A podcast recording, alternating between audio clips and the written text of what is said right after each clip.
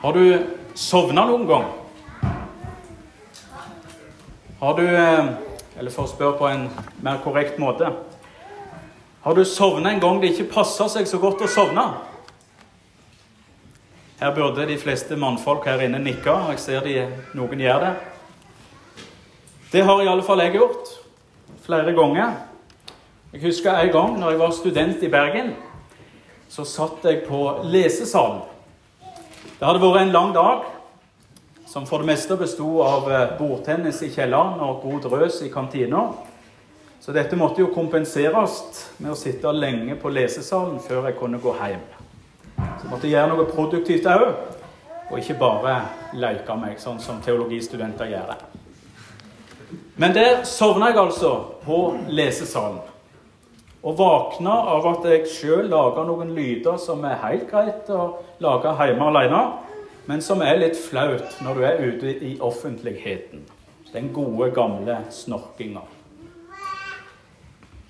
Jeg våkna brått og flaut og kikka meg rundt, og der så jeg heldigvis ingen. Men så gjorde jeg den tabben at jeg kikka under lesesalspultene, og der satt det to par bein. Da ble jeg flau på skikkelig og tenkte hvordan i all verden kom jeg meg unna dette? Og Da valgte jeg den taktikken som nordmenn flest velger i tide og utide. Jeg later som ingenting. Og for en gangs skyld så funka det nokså greit. Og det var jo nokså uskyldig å sovne på lesesalen. Jeg er nok ikke den første. Det var for så vidt ikke siste gang jeg gjorde det heller. En annen gang jeg sovna, så var det mindre uskyldig. Det var i høst, og noen av dere vet at jeg sovna bak rattet mens jeg kjørte bil. Da er vi på et helt annet nivå enn å sovne på lesesal. Nå gikk det etter forholdet godt. Jeg hadde englevakt, og det var bare jeg sjøl som ble ramma. Men det fikk konsekvenser. Brukken arm, øyelagt bil og inndratt sertifikat. Som noen har skjønt, så har Giske fått en sokneprest som ikke er så dugende bak rattet. Vi får håpe det blir bedre i framtida. Eventuelt så blir jeg syklende rundt her. Uavhengig av sjåføregenskaper. Det gjelder å være vaken i rette tid. I teksten vår i dag så er det Jesus som møter noen som sovner. Som har sovna på vakt. Som har sovna midt i alvoret når de helst skulle være våkne. Jesus har tatt med læresveinene til Getsemane. Det nærmer seg at han skal ta korset på ryggen og gå mot sin egen død. Og til i Getsemane så har han gått litt unna de andre sammen med noen av de nærmeste vennene sine. Jesus han kjenner angsten bre seg inni seg. Han var gripen av sorg og gru, står det. Teksten forteller oss noe om at Jesus er menneskelig. Han kjenner på det samme som vi kan kjenne på. Han har gått igjennom det samme som vi har gått igjennom, og vel så det. Gud veit hva smerte, sorg, angst og død er for noe. Og tydeligst blir det her i Getsemanehagen og på korset. Jesus kjenner menneskelivet tvers igjennom Jesus kjenner deg og meg tvers igjennom. Og så er det ikke rart at han kjenner angsten bre seg. Han vet hva som ligger foran. Arrestasjon, tortur, korsfestelse og død. Og nå har han gått til hagen for å be, for å prøve å finne ro. Og med seg har han de nærmeste. Han forteller de nærmeste at han har det tungt. Han ber deg om å være der og vake og be sammen med ham.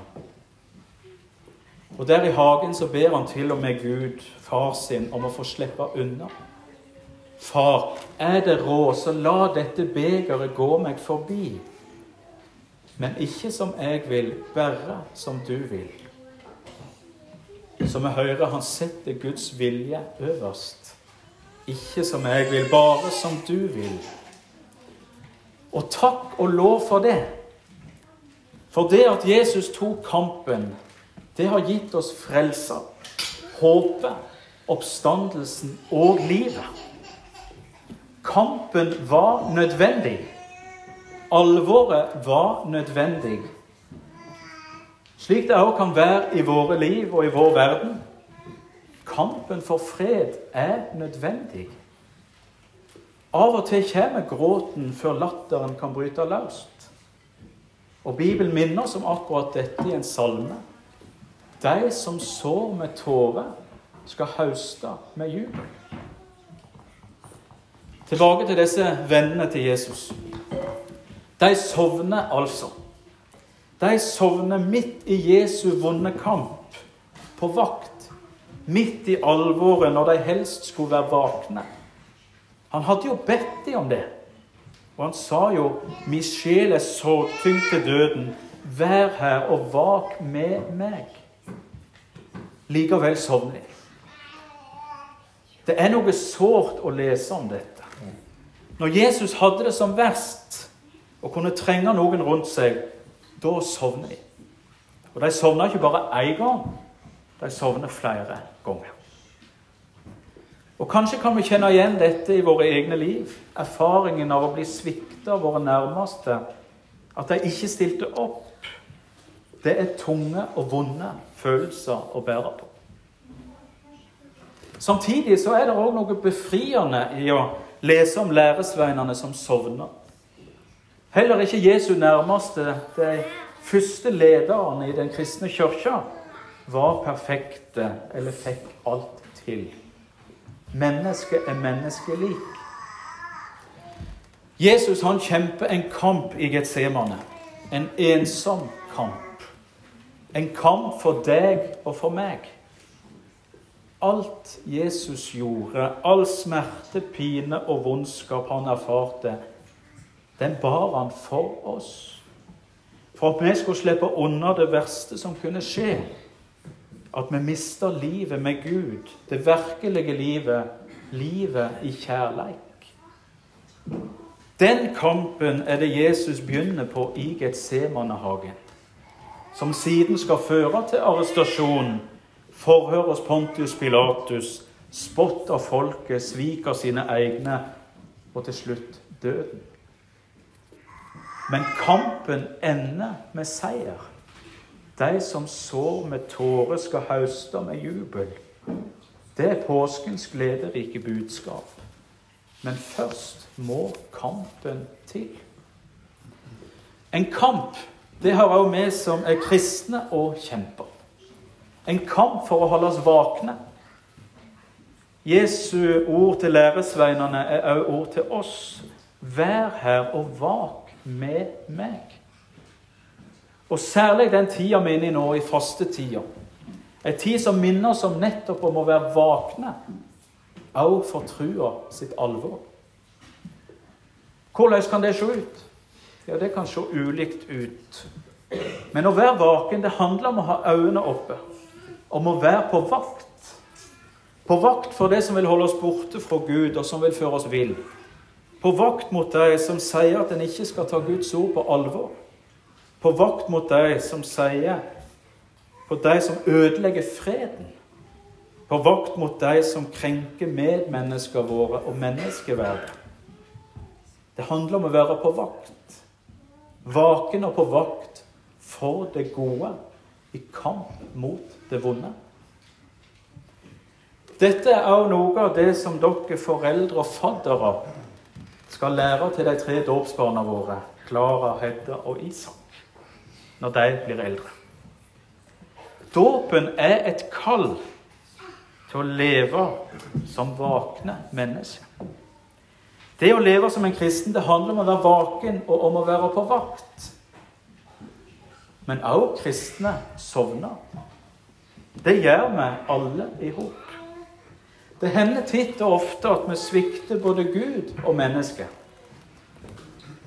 Men den som sovner, skal få stå opp igjen. Den som sovner, skal få reises opp igjen.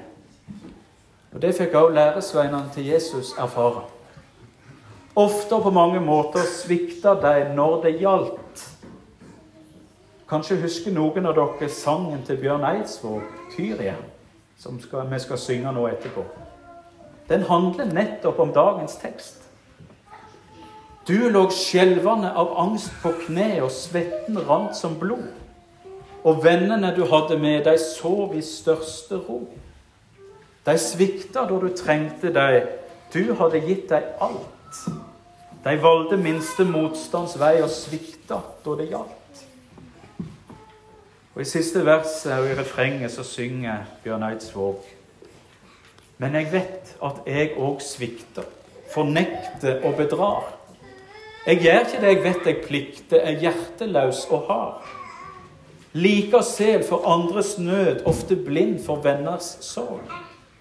Hva bryr det meg de andres død? Min kulde er så fast en borg.